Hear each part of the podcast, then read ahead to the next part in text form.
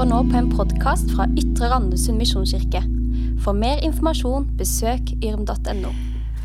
For en fin helg vi har hatt. Det er jo ikke sikkert alt har vært like gøy, eller at alle har hatt det like kjekt, men jeg håper du har hatt noe som har vært fint, og noe du er glad for, og at du kjenner noen litt bedre etter denne helga. Men det er jo ikke bare her det skjer. Vi har lyst til å fortsette det gode vi opplever her, også når vi kommer hjem. Og nå skal vi ta litt sånn fem på gata hvordan vi har hatt det på Menighetsviken. Men jeg har lyst til å først takke de som har gjort det mulig for oss å dra på leir. Og det er Menighetsviken-komiteen. Og Kjetil og Glenn de reiste opp her på torsdag for å gjøre klart det praktiske. De har hevda at de er håndlangerne til Hege og Tina i komiteen, så de skulle gjøre alt det praktiske. Så tusen takk til dere som kom tidlig og gjorde det sånn at det var godt å komme til at alt var ferdig. Alt var klart og vi kom. Så en skikkelig applaus til Kjetil og Glenn. Glenn med det lange håret fortsatt. Ja. Han takker Herren baki der. Og så er det Hege og Tina. Og Tina har måttet reise hjem i en barnedåp som var i dag. Men Hege som har sittet og plassert dere alle ut på rom. Og Tina som har laga program. Dere har gjort så mye. Og i tillegg så rydda Hege hele denne møtesalen alene i dag morges da hun kom til et ganske bomba rom. Så en skikkelig applaus til Hege og Tina. Tusen takk.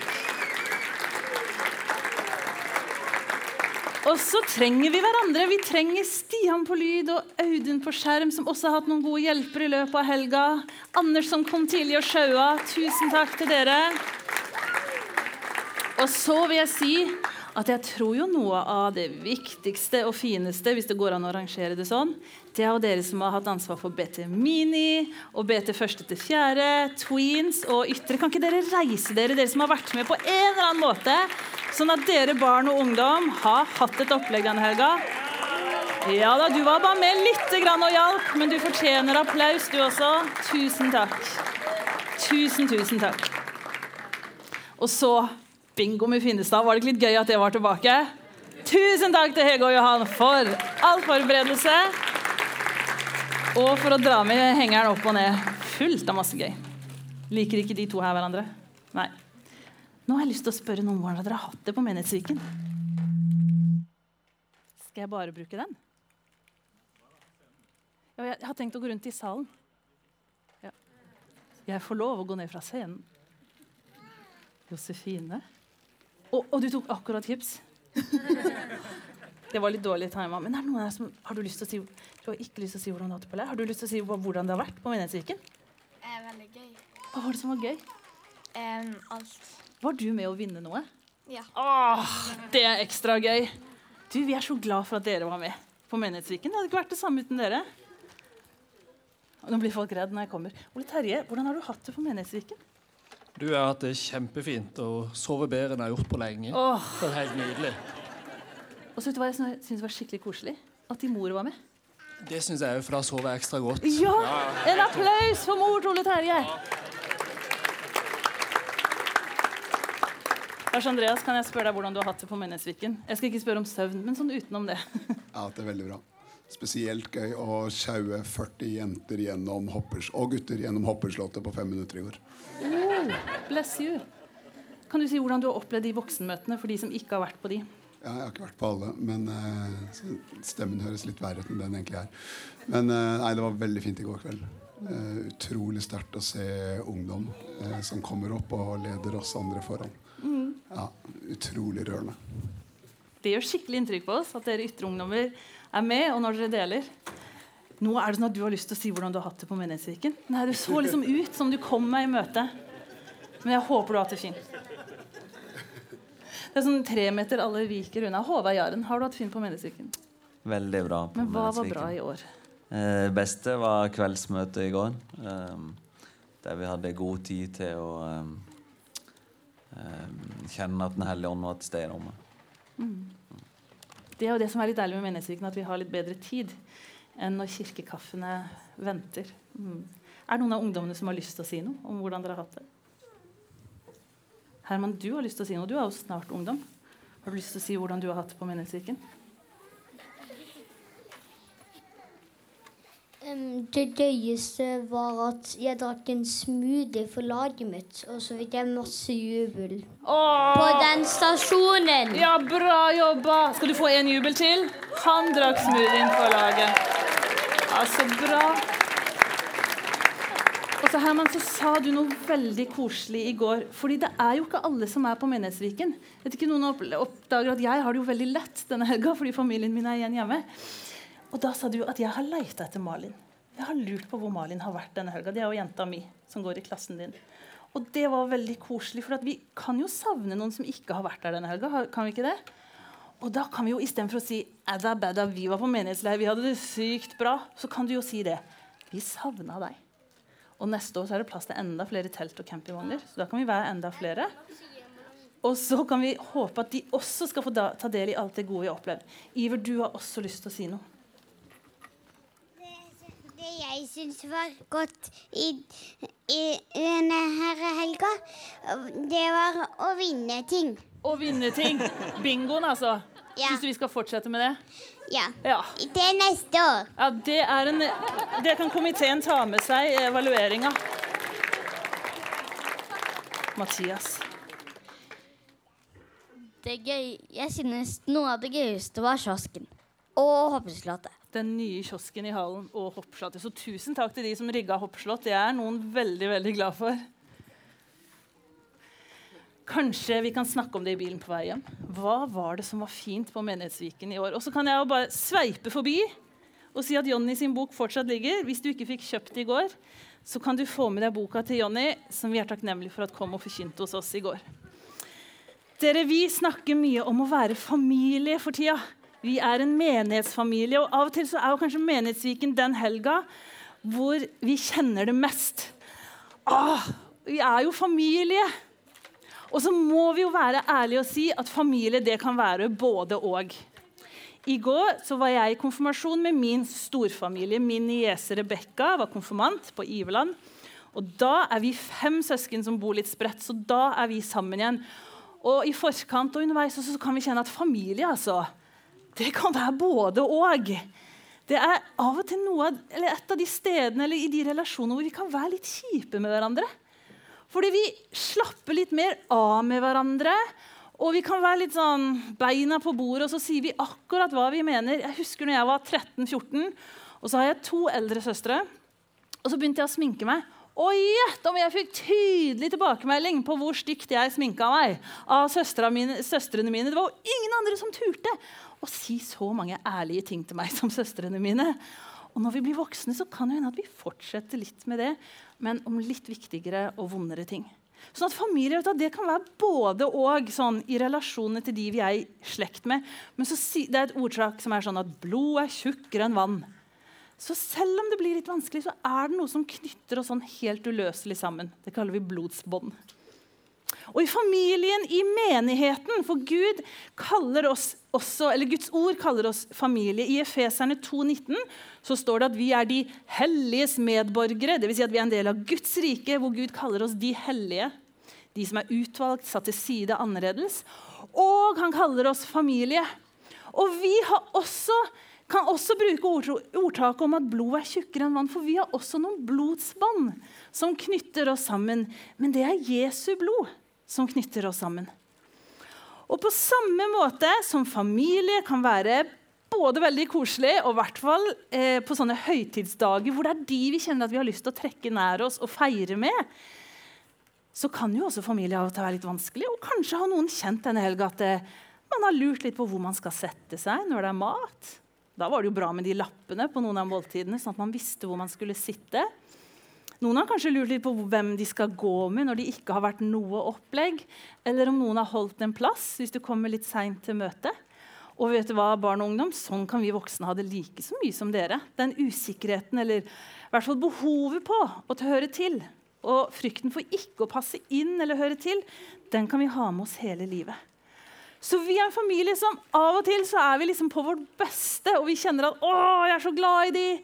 Og av og til opplever vi at vi kan føle oss litt utafor eller annerledes enn de andre.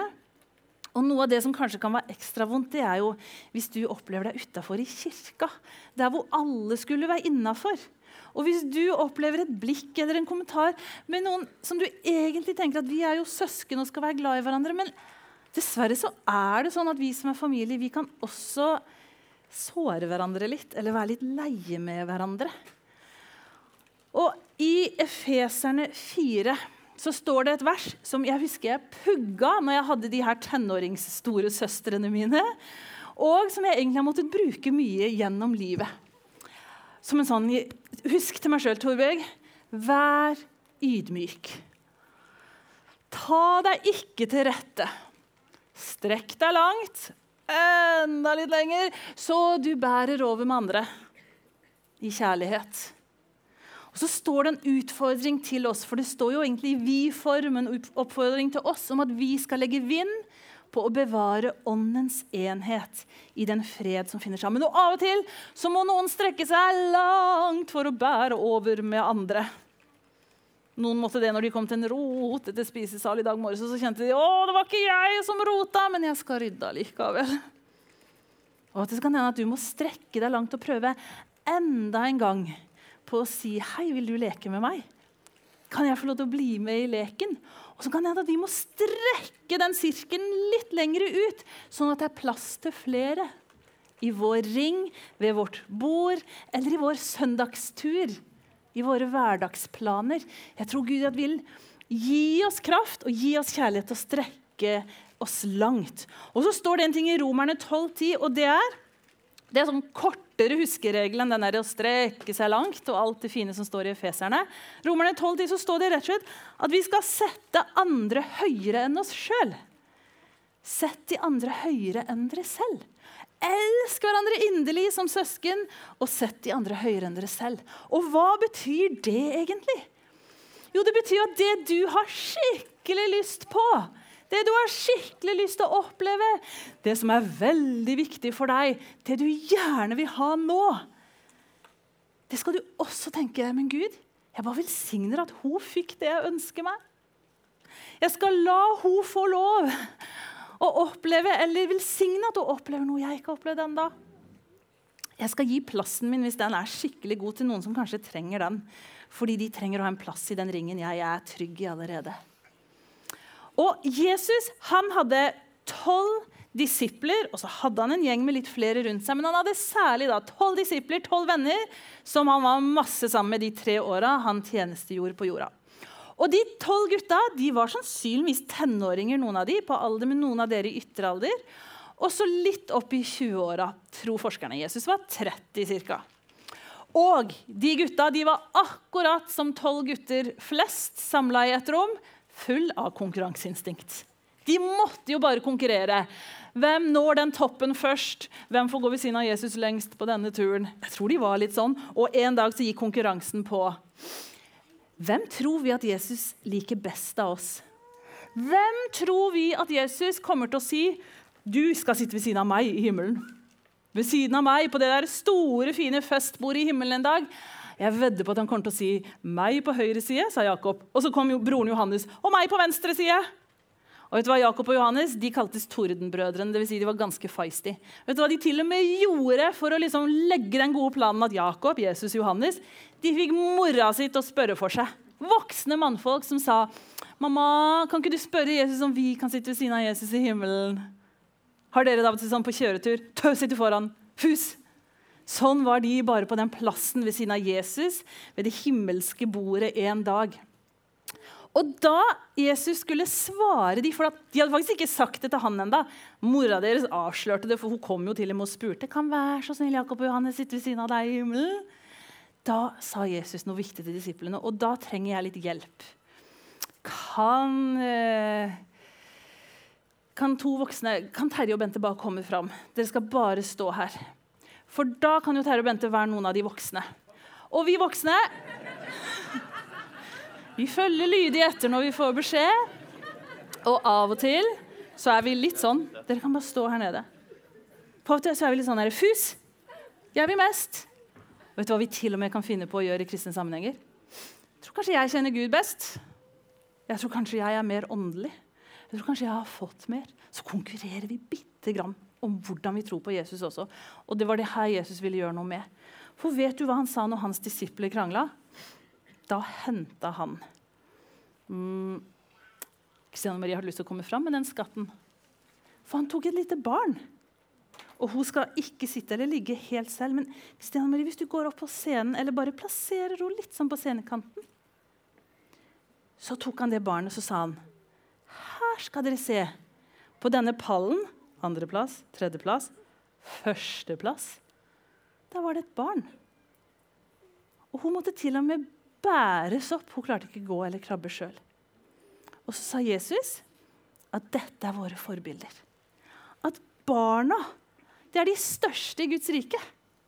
Og at vi skulle ha dere som våre forbilder. Ja, Nå kan du smile. Du vant førsteplass. Hæ? Yeah!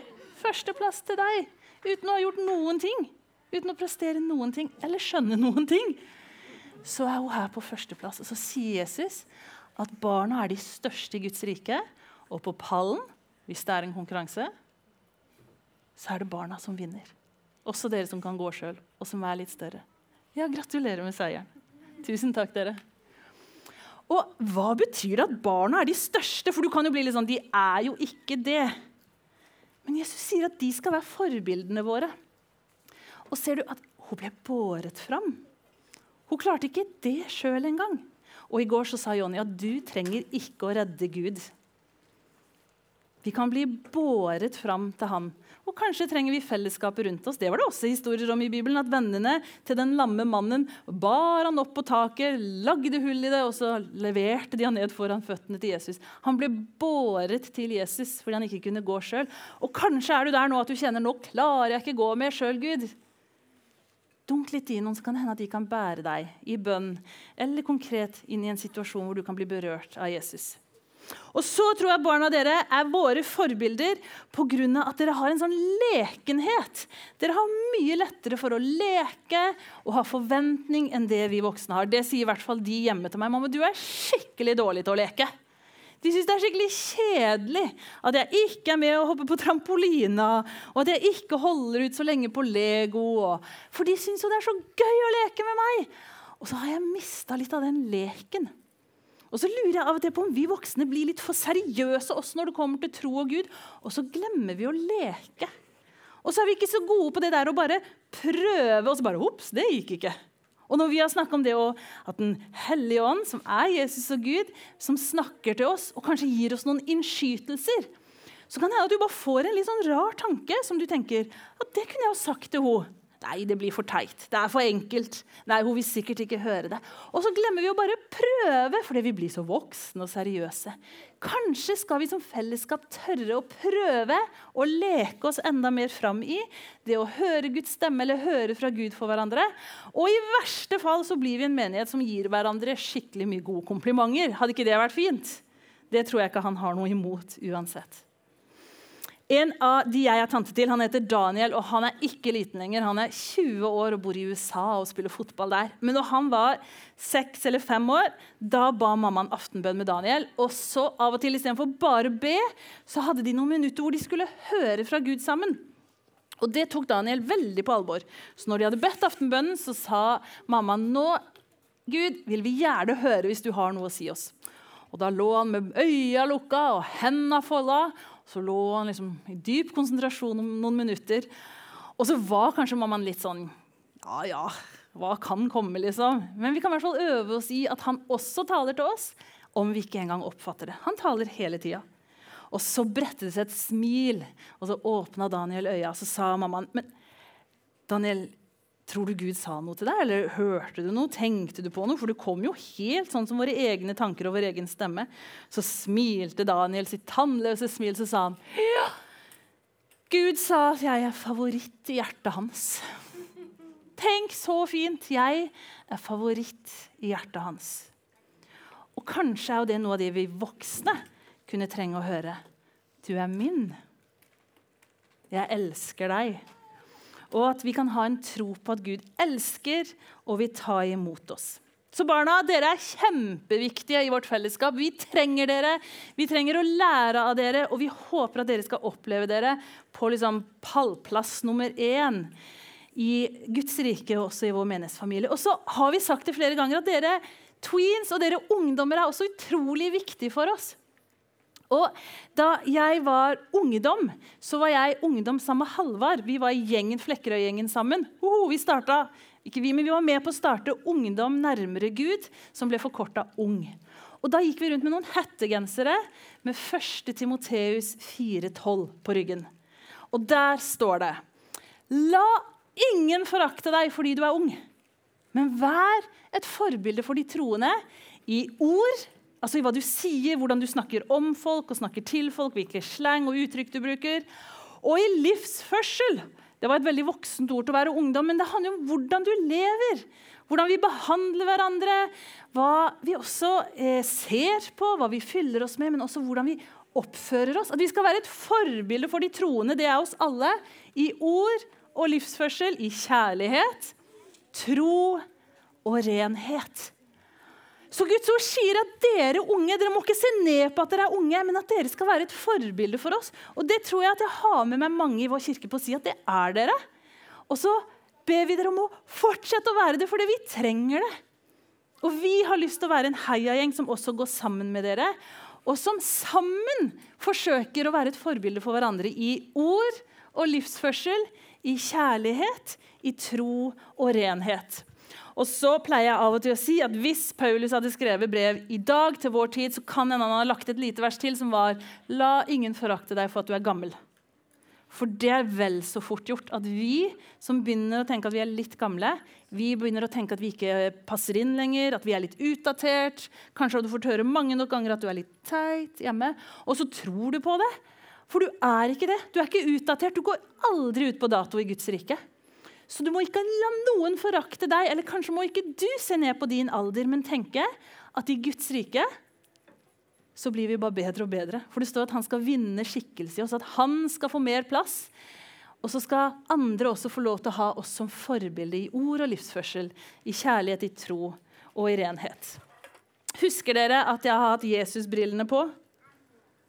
At vi skulle se hverandre med Guds blikk. Og det, Med det mener jeg jo at vi av og til da kan se litt mer enn det som møter øya når jeg har hilst på deg og prata litt om hvem du er og hva du gjør og hvilken skole du går på. Men hvis vi har ledd sammen og spist sammen og sunget sammen, så kan det hende at jeg oppdaga at det er noe ved deg jeg ikke så ved første øyekast. Og kanskje særlig når vi hører Guds ord sammen, vi hører andakter og kanskje vi ber sammen, så oppdager vi også at oi, det er noe med deg som Gud har lagt ned i deg som jeg ikke har sett. Det har jeg lyst til å si at sånn opplever jeg deg. Dette ser jeg i deg.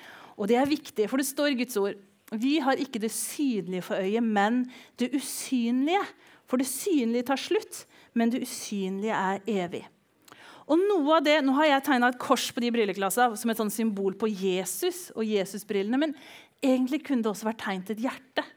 For hvis vi tar på Jesusbrillene når vi ser på hverandre, så er noe av det første som vil komme, tror jeg, det er søskenkjærlighet det er at Gud gjør noe i hjertene våre, sånn at du blir glad i, at du får godhet for, at du liker noen litt ekstra fordi du merker at vi er jo familie. Og Jeg hadde ikke trodd at vi skulle komme så godt overens, men vi er jo familie. Og vi er søsken. Og Jesus ba oss i den aller siste bønnen sin, Johannes 13, så sier han et nytt bud gir jeg dere. Dere skal elske hverandre. Som jeg har elska dere, skal dere elske hverandre. Og så sier han noe. Hvis vi gjør det, når vi gjør det, så skal alle andre egentlig forstå og gjenkjenne at ah, dere må jo være Jesu disipler, for dere har kjærlighet til hverandre. Og den kjærligheten skal ikke du trøkke fram på egen hånd. Den tror jeg vi kan be om hvis vi ber Gud, hjelp meg å se med ditt blikk Gi meg kjærligheten du har for det mennesket jeg kanskje trenger det litt ekstra for. Og så kan vi be om det under at Gud kommer og tenner søskenkjærligheten og holder den varm imellom oss. Ikke bare på Menighetsviken når vi er litt sånn godtrøtte og snart skal hjem, men også på Tweens-kveldene, på FK og KOMF, på søndagsgudstjenestene eller på ytrekveldene. Og i smågruppene, eller når vi ses på Coop Mega eller på RIL, en eller annen bane, at vi kjenner du, vi er family. Og så er det en kjærlighet der som stikker dypere enn at vi er så like at vi synger alle de samme sangene, at vi kjenner de samme folka. Men det vi har felles, det er Jesus.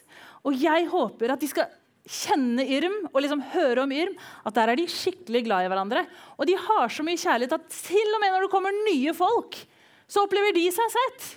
Og de blir inkludert. Og de føler seg elska kanskje for første gang av et storfellesskap. Det håper jeg er det ene ryktet om Ytre Randesund misjonskirke.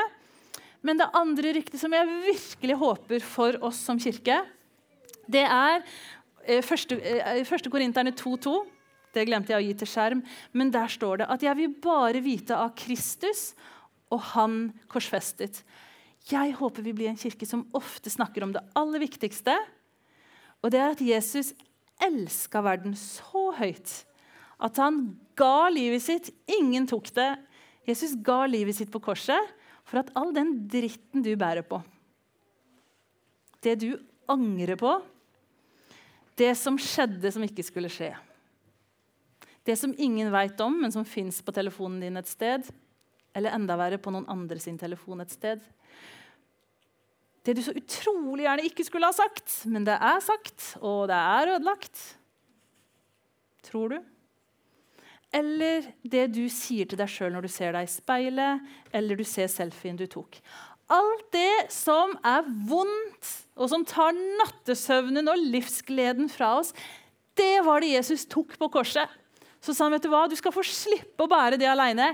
Jeg tar støyten. Nå gjør jeg opp for alt det onde du egentlig fortjener litt kjeft for. Eller det du kanskje tror du må få mye konsekvenser for. Det har Jesus tatt for oss. Og så var han så raus og nådig at han tok all verdens synd og skyld og skam. Og det var det som tok livet av han. Og så står det at han oppga sin ånd. At han døde, og så for han ned til dødsriket. Dvs. Si at han har vært i det verste av det verste. Han har vært nede der hvor det onde er. Og så kunne ikke det onde holde på han, for han tok med seg all dritten ned hvor den, til, hvor den hører hjemme.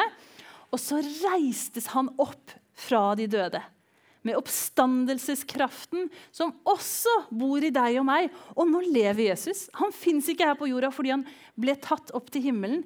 Men hans liv og hans kraft, oppstandelseskraften og hans kjærlighet, den lever fortsatt iblant oss ved Den hellige ånd. Så jeg håper at det ryktes om oss at vi er skikkelig glad i hverandre, og vi er veldig åpne for flere å være glad i. Og så håper jeg at det ryktes om oss at vi ofte snakker om hva Jesus har gjort for oss, og hvordan nåden har truffet oss. Så Jesus, jeg takker deg for at du valgte å dø på korset for oss. For å ta det som er vondt og ondt, og som skiller oss fra deg i livet vårt. Og du vet hva det er. Og så sier du, Herre, at din nåde er nok for hver enkelt en av oss. At du har lyst til å reise oss opp til det livet du lever, som er fylt av kraft og som er fylt av liv, og som er overveldende mye nåde. Raus kjærlighet og godhet og nye sjanser og blanke ark. Takk for at vi skal være et nådefellesskap som minner hverandre på at vi er frelst av bare nåde, at vi er tilgitte og elska, og at det alltid fins nye sjanser hos Jesus. Det ber jeg om at vi skal både lære barna våre og lære av barna våre. Det ber jeg om at ungdommene våre skal være et forbilde for oss i. Å være tilgitte og stadig løpe til deg og få nye sjanser. Og så ber jeg om at vi voksne også skal være kjappe til å gå til korset og si 'jeg trenger deg', og tar imot din nåde. Og at vi kan snakke om hvor god og raus du har vært med oss alle. Så Helligånd, kom og gi oss en ny bevissthet, åpenbaring, på evangeliet og hva du har gjort for oss. Det jeg ber om. I Jesu navn. Amen.